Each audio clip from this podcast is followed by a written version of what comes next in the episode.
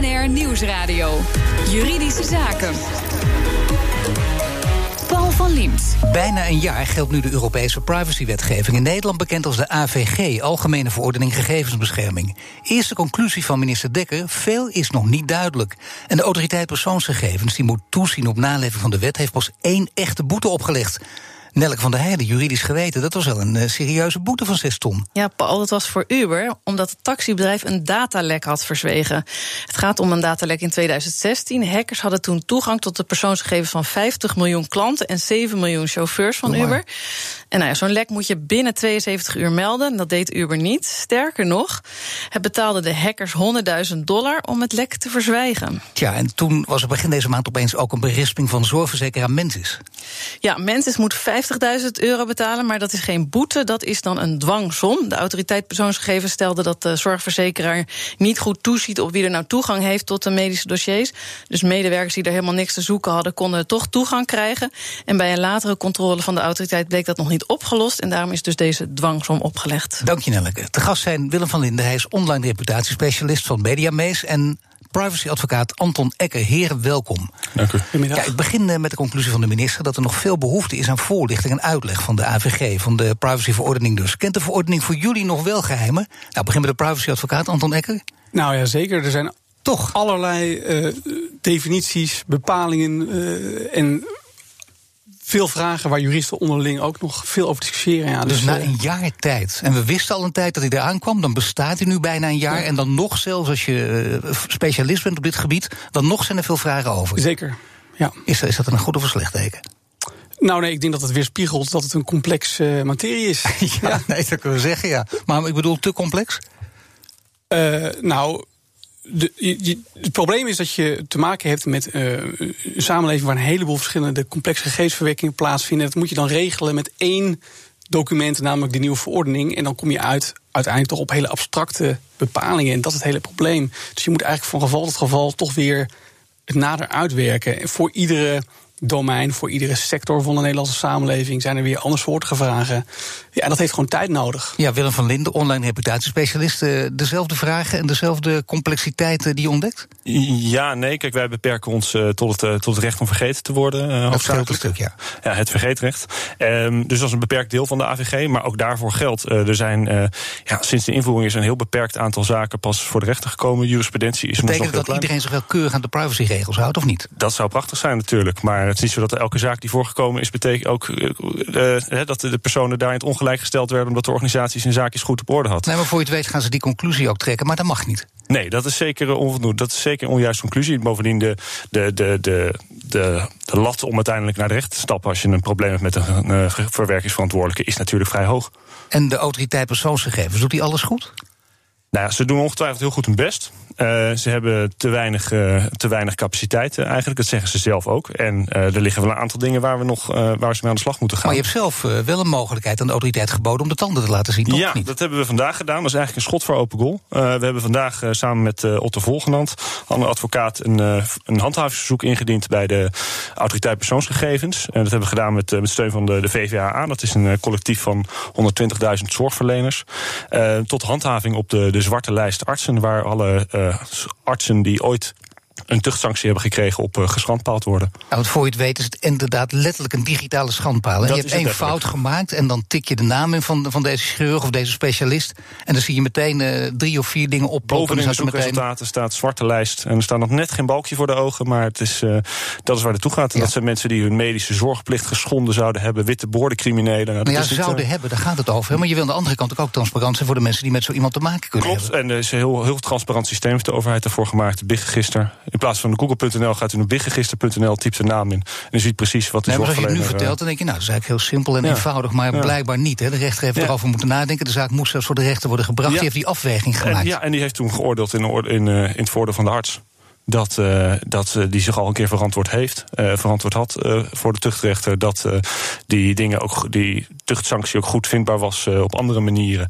En dat, dat deze website, die volledig indruist tegen de wet BIG en AVG, niet, niet meer naar boven hoeft te komen. En betekent dit dat dit grote gevolgen kan hebben voor alles en iedereen die, die de digitale schandpaal wil ontsnappen? Of die nou, wil deze ontsnappen? digitale schandpaal wel inderdaad. Want het is een handhavingsverzoek tegen die website en de websites die eromheen hangen. En de bedoeling is dat niet iedere zorgverlener, en dat zijn er dus honderdduizenden, dat die niet steeds angstig hoeven te zijn dat als ze iets fout doen, dat ze dan ook nog online geschandpaald worden. En Anton Ecker, als je dit zo hoort, zou dit dan kunnen gelden ook voor andere beroepen? Voor mensen die denken, wacht even, mijn naam die plopt erop en er staat weer bij dat ik, dat ik een boeven ben. Ja, ik denk terwijl dat ik het niet ben. Ja, dus uh, een van de overwegingen die hier een rol speelt, is dat er dus al een wettelijk systeem is voor het openbaar maken van uh, tuchtrechtelijke uitspraken. En dat geldt bijvoorbeeld uh, bij uh, advocaten net zo. He, dus daar zou dat op dezelfde manier een rol kunnen spelen. Maar mensen die hiermee te maken hebben, die zeggen... nou, bij mij werkt het helemaal niet... want ik uh, werd door een of ander onguur siteje van allerlei dingen beticht en zo... Ja. en toch als ik mijn naam opplop, dan komt het meteen boven. En Google geeft geen gehoor aan mijn verzoek om het weg te werken. Ja, dus dan zul je zien dat de rechter zal kijken naar het individuele geval. En uh, dan moet er gekeken worden, wat is dan precies die straf geweest? Die, die nee, maar op basis van deze uitspraak ja. betekent het als je dus nu een beroep doet op Google, op het ja. vergeetrecht. En dat je zegt, nou, er is toen die zaak geweest. Geweldige zaak toen ook, hè, van Willem van Linden, wie kent hem niet? En toen is dat gebeurd, hij heeft het gedaan. Je mag aannemen Vergeten dat Google, we nooit meer. je mag aannemen dat Google daar wel rekening mee gaat houden met deze uitspraak. En dus haar beleid zou moeten we gaan wijzigen. Nou, maar als je bent, is dit toch een hele belangrijke. Ja, en daar mag je rekening mee houden, inderdaad. Maar de realiteit is dat ze sinds een paar maanden weer overgegaan zijn naar de, naar de naar het categorisch afwijzen van ieder verzoek met betrekking tot die zwarte lijst artsen. Ja, dat is zo gek. Ieder Waar, verzoek. Het maakt niet uit wie, of je er nou op staat met een berisping of een waarschuwing of zonder sanctie überhaupt. Uh, het wordt gewoon afgewezen zonder verdere. Maar er lijkt een motivatie. strategie achter te zitten. Laten we even speculeren. Waarom ja, zouden ze dat dit is doen? wel speculeren. Uh, dus dat, ik weet niet waarom ze dat precies doen. Ik weet alleen dat het niet uh, netjes is. En ook gewoon in strijd is met het vonnis dat al gegeven is. En ze, ze waren het daar niet mee. Ze zijn in beroep gegaan. Maar ja, momenteel nou ja, is de jurisprudentie zoals die is. En moeten ze daar momenteel aan houden. En als het dan in beroep anders wordt, wat ik niet verwacht, dan kunnen ze opnieuw beoordelen. Maar vooralsnog moeten ze het aan houden. Alleen ja, als individuele arts gaan we naar de rechter en uh, gaan het maar uitzoeken. En ja, dat is natuurlijk wel een, een lat die hoog ligt. Maar hè, we hebben nu die, dit handhavingsverzoek naar de AP. En daarnaast uh, bereiden we anders een kort geding voor namens een groep van artsen. Maar toch gaat het mij om meer dan. Toch gaat het mij dus om, om andere beroepsgroepen ook uh, naast de artsen. Ja. Is het mogelijk dat dit voor alle, echt alle beroepsgroepen gaat gelden? Nee, dus ook een jurisprudentie is natuurlijk, hè, die heeft een bredere werking dan alleen voor dit, dit ene, die ene zaak. Die overwegingen zijn relevant. Dus het is dan even de vraag hoe dat in beroep die overwegingen blijven staan. En dan zou dat moeten gelden voor iedereen. Maar nogmaals, dan moet Google zich er wel aan houden, ook voor andere beroepsgroepen. In de tussentijd doet Google dat dus niet. Wat nee. betekent dat voor Google? Wat voor sanctie kunnen ze dan verwachten? Ja, dat is het probleem. Nee, geen, wat is het probleem? Ja. Geen sanctie. Maakt niet nee, uit. Geen, dus nu, nu geen sanctie. Er moet dan eerst een onderzoek, er moet een onderzoek komen hoe zij hun werk dan niet goed zouden doen. Ja, daar moet de autoriteit zou daar dan het voortouw in moeten nemen. Kijk, als, als uh, privaat persoon. Ja, je kan Google aanklagen om te zeggen: ik wil het toch weg hebben. En de enige sanctie kan zijn dat Google dan zegt: ja, de rechter zegt: ja, Google, jullie moeten het weghouden. Maar daar houdt het op. Er is geen, er is geen negatief punt. Ze kunnen hooguit. Ze krijgen geen boetes of zwaardere sancties die afschrikwekkend werken. Nou, ja. maar je kan je voorstellen. vinger op, hè? Ja, maar je kan je voorstellen dat toch zo'n individuele arts bijvoorbeeld op een gegeven moment zou gaan zeggen: ja, ik heb jullie al gevraagd om het te verwijderen. Jullie hebben dat toen niet gedaan. En als gevolg daarvan heb ik schade geleden. Ja. En uh, dan kan het natuurlijk wel echt uh, voor Google uh, vervelend worden. Ja, het is nog niet nooit ja. toegewezen in het vergeetrecht nee. wel een schade. Het is wel, wel, wel eens geëist, maar dan hebben mensen toch vrij snel bakcel gehaald. Uh, Waarom is het heel lastig namelijk nou, om ja, aan te geven? Het, een heel simpel puntje. Jij zegt ik heb bijvoorbeeld 100.000 euro schade. Dan als je verliest, dan is het in ieder geval moet je alweer een hogere proceskostenveroordeling betalen. Dus het maakt het risico alleen maar groter voor mensen. Maar ik denk dat voor Google ja. nu dat ze tamelijk uh, pragmatisch in zitten. Van ja, het kost ons gewoon heel veel tijd, heel veel medewerkers die we daarvoor moeten inschakelen en dus heel veel geld om al die verzoeken te beoordelen. Weet je wat, we wijzen ze gewoon categorisch af. En uh, ja, de, de proceskosten of, of een eventuele schadevergoeding die we dan later eventueel zouden moeten betalen, vallen daarbij in het, in het ja, niet dus Ze kunnen ook altijd baksel halen zodra iemand, uh, ja, zodra iemand een, uh, dan zegt ik, uh, hier, is de, hier is de dagvaarding. Dan kunnen ze zeggen, oké, okay, dan wijzen ze toch toe. Weet je, en dan is klaar, dan komt er geen zaak meer. Dan hebben ze niks verloren. Maar dat hoge beroep is dus heel erg belangrijk. Want dan heb je echt de jurisprudentie. En bovendien kun je ja. dan Google ook echt aanpakken. Ja, nou, dat is, dat is natuurlijk nog, nog, nog wat zwaarder dan de jurisprudentie van de rechtbank. Desondanks de jurisprudentie van de rechtbank is zoals die nu is. En ze moeten zich er gewoon aan houden, hoe groot ze ook zijn. Het is een van de rijkste partijen ter wereld. Dus dan nemen ze maar 100 mensen extra aan. Maar Google ah, ja, heeft in Frankrijk al een boete gekregen van 50 miljoen uh, euro. Ja. Dus ik denk maar dat ze van deze bedrag Dat is voor ons uh, ja. 10 euro, zeg maar. Zoiets. Ja. Ja, nee, daar schrikken ze niet van 150 miljoen. Nee, SST, ik bedoel, procedure, daar doen ze ook het best voor. Als het zover is, dan schrikken ze niet terug om daar de kosten voor te maken. En dat maakt het voor de individuele arts die tegenover zo'n grote partij staat, nou ja, een beetje eng soms. Dit heeft met artsen te maken. welke beroepen moeten nog meer oppassen voor online reputatieschade? Ja, nou ja, dat zijn dan de dingen die de, de beroepen die veel in de media uh, komen en die onder het vergrootglas liggen. Dus dat waren recentelijk, uh, zijn dat bijvoorbeeld uh, accountants geweest. waren de afgelopen jaren toch onder het vergrootglas, belastingadviseurs. iedereen die wat doet binnen het, binnen het vastgoed. Ja, dat zijn partijen waar, waar, waar, waar, flink naar gekeken wordt door de media. Dus de online reputatieschade, dat is, die spint hier garen bij. Dat is echt een groeimarkt, als ik het zo hoor. Ja, ik mag wat dat betreft mag ik niet klagen, inderdaad. Maar ja, goed, het is natuurlijk gewoon steeds belangrijker geworden, online beeldvorming. Nou ja, het is inderdaad steeds belangrijker. Dus je zou zeggen, je moet Google ook onder druk kunnen zetten. Dat kan ook niet met behulp van privacyadvocaten, Anton Ecker. Die kunnen ook niet dus een, een hele doorslaggevende rol gaan spelen. Nou ja, uh, zoals Willem al schetst, uh, er zijn al procedures gevoerd. Uh, die hebben nog niet ja, maar allemaal kansloos. Ik bedoel, dus het is een begin ja, natuurlijk, maar lastig, Het is heel lastig. Dus je, je zou een keer een geval moeten hebben waarbij echt hele grote schade geleden is. Uh, ja, of je kan een handhavingsverzoek doen bij de uh, autoriteit. Dat zou je natuurlijk wel kunnen doen. Hè, dat de autoriteit Google op de vingers tikt, omdat ze hun beleid structureel nou, niet hier heb je het weer. De autoriteit die de tanden kan laten zien. Ja, ze hebben nog een paar weken tot het jaar voorbij is. Dus ze kunnen ze even mooi de tanden laten zien. En dus laten zien aan alle zorgverleners, dat een enorm grote beroepsgroep is, dat zij handhaven. En dat niet alleen maar zorgverleners zelf heel erg goed aan alle regels moeten voldoen. Maar dat wanneer zij een keertje de pineus zijn, dat ze ook op de AP Is er een gerede kans dat de autoriteit het ook gaat doen? Dat, het lijkt me, het is, het is volgens mij is het een schot voor open doel, zo duidelijk is het. Nou ja, maar ze moeten het maar wel doen. Straks, vorige week bleken duizenden dossiers van minderjarige kwetsbare kinderen bij Jeugdzorg Utrecht niet goed beveiligd. Hoe makkelijk ga je de mist in? BNR Nieuwsradio.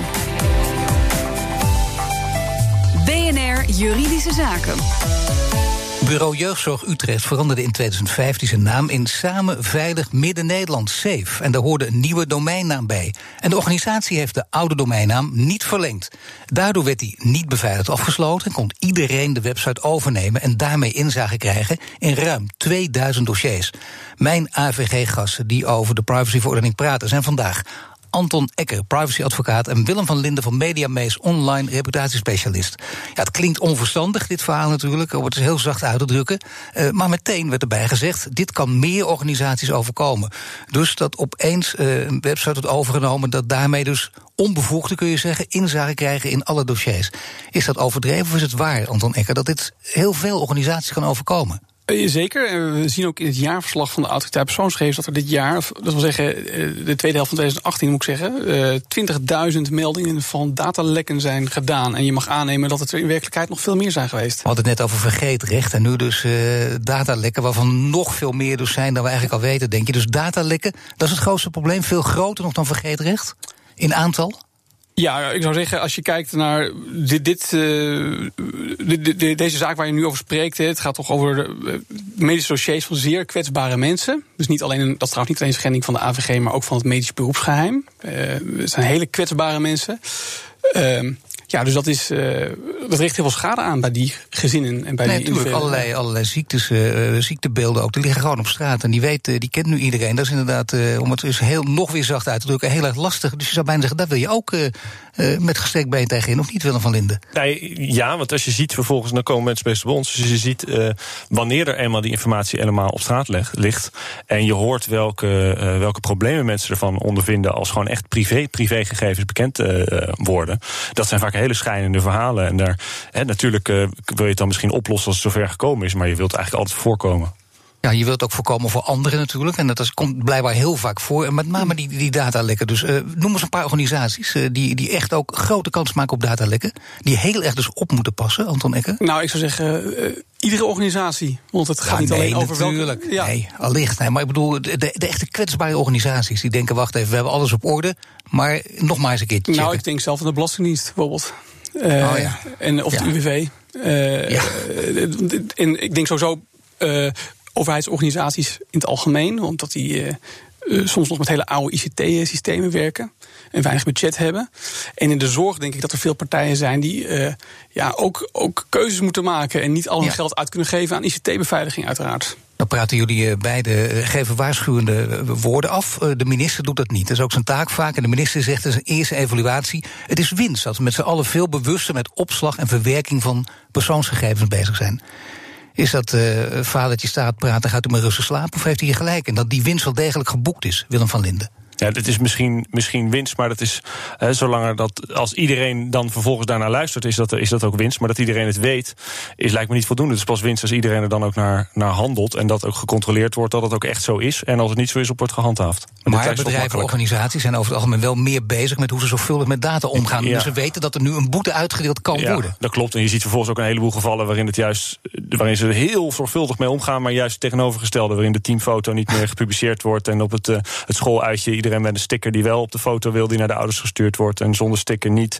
Het gaat soms een beetje ver. Nee, bedrijven die echt in de war zijn, die denken: mag ik zelfs een verjaardagskalender ophangen? Ja, Gewoon, precies, dat, ja. precies. Maar dan heb je natuurlijk ook nog de zoektocht naar de mazen in de wet. Merk je er als privacyadvocaat van dat die zoektocht ook in volle hevigheid is opengebarsten? Ja, maar dat is, dat is uh, niet alleen onder de AVG, dat was altijd al zo. Dus er zijn altijd uh, partijen die proberen om bijvoorbeeld, uh, nou ja, toestemming te vragen voor gegevens die je helemaal niet mag verzamelen. Om online profielen te maken bijvoorbeeld. Uh, er gebeurt van alles met direct marketing wat niet klopt. Er is een hele grote ontwikkeling richting uh, online profilering. Waarbij ook allerlei basisbeginselen eigenlijk van het privacyrecht worden geschonden.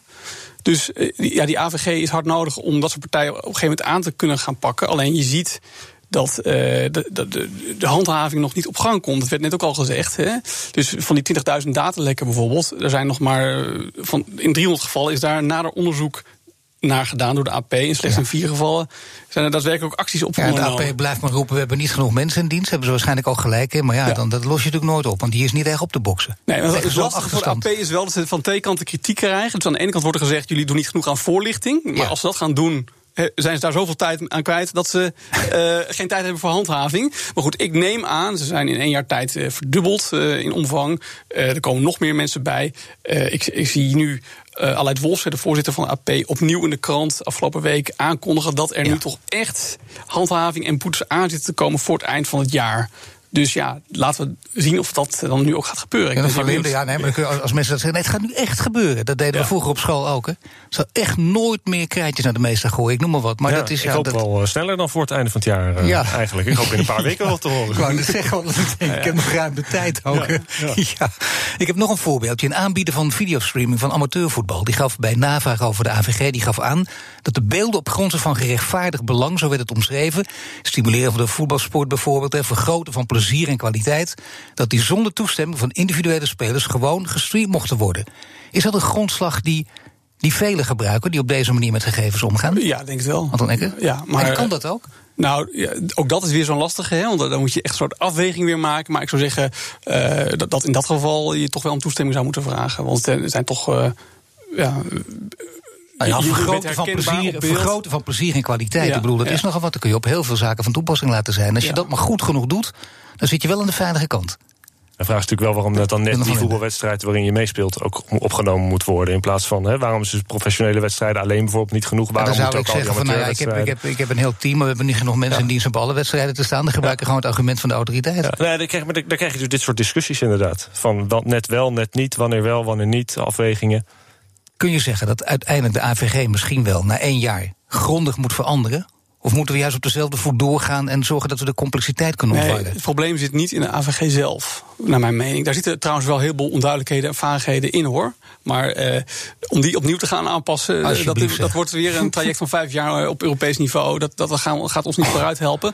Uh, we moeten gewoon aan de slag met het verder uitwerken van al die onduidelijkheden die er zijn. Het wordt ook van allerlei kanten al wel gedaan. Het heeft gewoon ook nog wat tijd nodig. Ja, ik blijf het herhalen misschien. Maar ik dank je, advocaat ja. Anton Dekker, want wij hebben geen tijd meer. En Willem van Linden van Mediamees, dank je wel. BNR Nieuwsradio. BNR Juridische Zaken. De werkgever lijkt André geen keus te geven. Hij moet ander werk gaan doen op een andere afdeling. Kan hij inderdaad worden gedwongen? Verslag is van Nelleke van der Heijden. André, jij werkt op een financiële afdeling. En opeens kreeg je te horen dat je wordt overgeplaatst. Wat, wat speelt er allemaal? Ik uh, ben al ruim 20 jaar werkzaam op financiële afdeling van een werkmaatschappij. En er is mij medegedeeld dat er een adviesaanvraag bij de OR is ingediend voor een besluit dat ik over drie maanden zal worden overgeplaatst naar een nieuwe, nog op te richten belastingafdeling van de holding. En dat is tegen mijn wens. Het lijkt voor mij ook een niet passende functie. Ja, dus de nieuwe baan is eigenlijk veel fiscaler dan je, dan je zou willen. Mijn taken liggen vooral op het accountinggebied. En ik voel me veel comfortabeler en ervaren bij het accountinggedeelte. En heb je dat ook aangegeven bij je leidinggevende? Ja, ik heb het bij de, de nieuwe leidinggevende van de groep en de, mijn huidige leidinggevende en bij personeelszaken aangegeven. Eh, maar toch krijg ik van eh, personeelszaken te horen dat als ze de nieuwe functie moeten opvullen met een vacature dat er dan toch geen taken voor mij meer overblijven, omdat de functie in die groep zal komen te vervallen. Ja, er wordt ook niet gereageerd op de input van mij en van de groep dat er al een hele hoge werkdruk is. En dat al mijn accountingtaken door de rest van de groep zullen moeten worden opgevangen. En daar is eigenlijk de mankracht niet voor? Nee, er zijn de afgelopen jaren al eh, diverse onderzoeken geweest naar de werkdruk, omdat ja, de groep erg klein is. Ja, maar jij hebt dus te horen gekregen van nou, als je dit niet wil, dan uh, is er geen werk voor jou. Dus dan is het eigenlijk gewoon kortom einde verhaal. Ja, en ook uh, in mijn arbeidscontract staat dat de werkgever na overleg met de medewerker een, deze een andere functie kan geven of tijdelijk binnen het bedrijf andere werkzaamheden kan laten verrichten. Maar ja, dat overleg dat, uh, dat heeft volgens mij niet plaatsgevonden. Dus ik vraag me ook af of dit terecht is. Johan Zwemmer van Stibbe. Kan André nou zomaar worden overgeplaatst? Nou, dat kan niet zomaar. Als het gaat over uh, de functie van de werknemer... dan moet een werkgever altijd in beginsel in overleg met een werknemer... over uh, een takenwijziging en wat hij doet. Alleen in een situatie waarin een werkgever kan zeggen... ja, ik heb echt zwaarwegende redenen waarom je dit andere moet gaan doen... dan kan hij het afdwingen. Maar ook dan nog moet het werk wat die werknemer moet gaan doen passend zijn. Dat lijkt hier nu niet aan de orde. Wat kan André het beste doen? Nou, vooral dat overleg met die werkgever aangaan. Dus uitleggen van, ik zie eigenlijk helemaal geen goede reden... waarom ik dat andere werk moet gaan doen. En dat andere werk, dat is niet passend bij mij. En wat verwacht je dat de werkgever zal zeggen? Als ik het zo hoor, heeft die werkgever al flink zijn zinnen gezet op uh, wat hij uiteindelijk wil. Dus dan kan die werkgever eigenlijk maar één ding doen. En dat is ontslag bewerkstelligen. En, en dat is in een situatie als deze toch wel riskant. Want dan moet hij naar het UWV. En aan het UWV uitleggen dat dat werk is komen te vervallen. En dan zal hij ook moeten vertellen dat hij geen passend werk voorhanden heeft. Ja, en als je zo hoort over die werkdrukonderzoeken, dan zal dat niet makkelijk worden. Nee, die toestemming zal waarschijnlijk niet worden gegeven door het UWV. En dan blijft André op zijn plek zitten. En dan moet die werkgever hem in staat stellen te werken. Maar dan wordt het er niet gezelliger op. Nee, en die werkgever zal het ook waarschijnlijk niet zo ver laten komen. Ik zou hem in ieder geval niet adviseren om naar het UWV te gaan. In plaats daarvan, in de praktijk, gaat een werkgever dan toch in overleg met zo'n werknemer... ofwel over iets wat passend is en wat die werknemer ook echt accepteert... ofwel een beëindigingsregeling. Maar wat schiet André daar dan mee op? Nou, als die werkgever met André moet onderhandelen over een beëindigingsregeling... dan zal André alleen akkoord gaan als hij een mooie vergoeding krijgt. Of bijvoorbeeld nog een tijdje outplacement en loondoorbetaling. En André kan waarschijnlijk mooie voorwaarden vragen... want dat UWV geeft geen toestemming voor opzegging. Dus die werkgever heeft eigenlijk keuze.